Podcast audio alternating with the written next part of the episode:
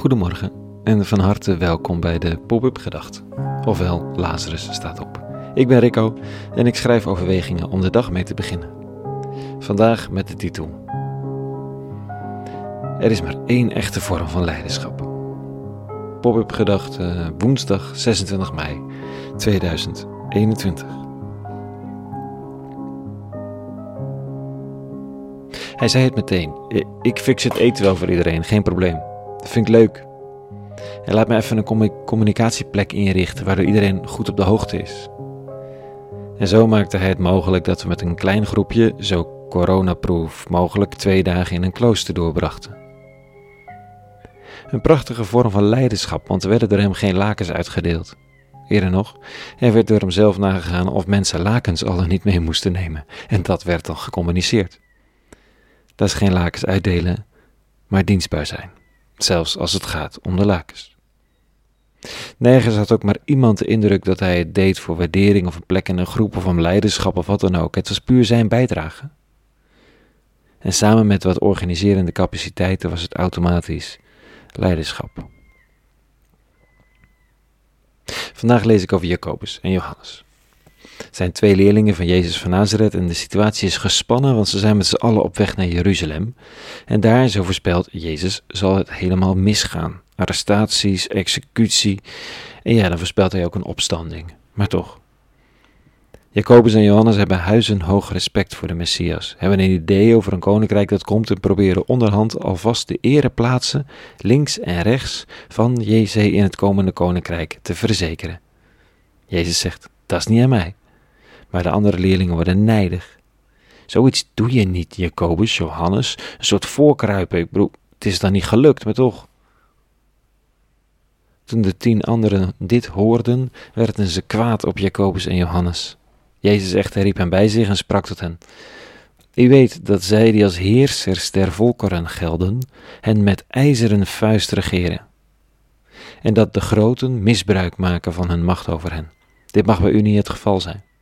Wie onder u groot wil worden, moet dienaar van u zijn. En wie onder u de eerste wil zijn, moet de slaaf van allen zijn. Want ook de mensenzoon is niet gekomen om gediend te worden, maar om te dienen en zijn leven te geven als losprijs voor velen. Jezus van Nazareth komt niet om te heersen of om gediend te worden. Het is interessant wel, want godsdienst bestaat toch bij de gratie van de gedachte dat je een God zou moeten dienen. Zou het dan precies andersom zijn, volgens Jezus van Nazareth, dat godsdienst de dienst van God aan de mens is?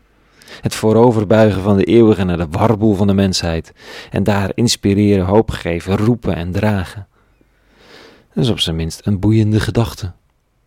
Want als godsdienst eruit bestaat dat je God moet dienen, en dat je dan toch min of meer verwacht dat diezelfde God voor, er voor je is, en in meer of mindere mate voor je zorgt, zou je dat laatste dan ook kunnen omkeren. Als God de mens komt dienen in de hoop dat hij of zij zorg gaat dragen voor God. Dat is een abstracte gedachte, want hoe kun je zorgen voor een godheid? Nou, in het geval van de God van Abraham, Isaac en Jacob is dat niet zo heel moeilijk. Zorgen voor God is je naaste liefhebben als jezelf, recht en gerechtigheid laten stromen. Zo nog een aantal van die termen.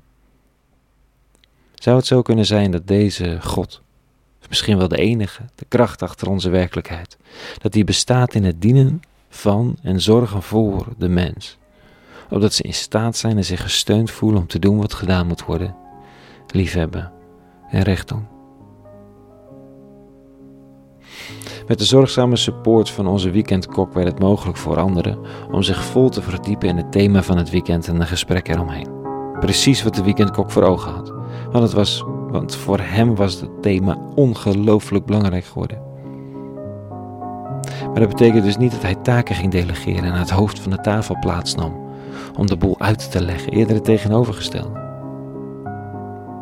Ik vond het een prachtige illustratie van de oude principes die Jezus van Nazareth hier introduceert. Wil je iets betekenen? Wil je zorgen dat iets van de grond komt?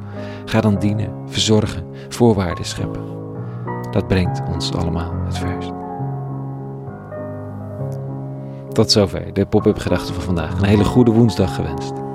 En vrede. En alle goeds.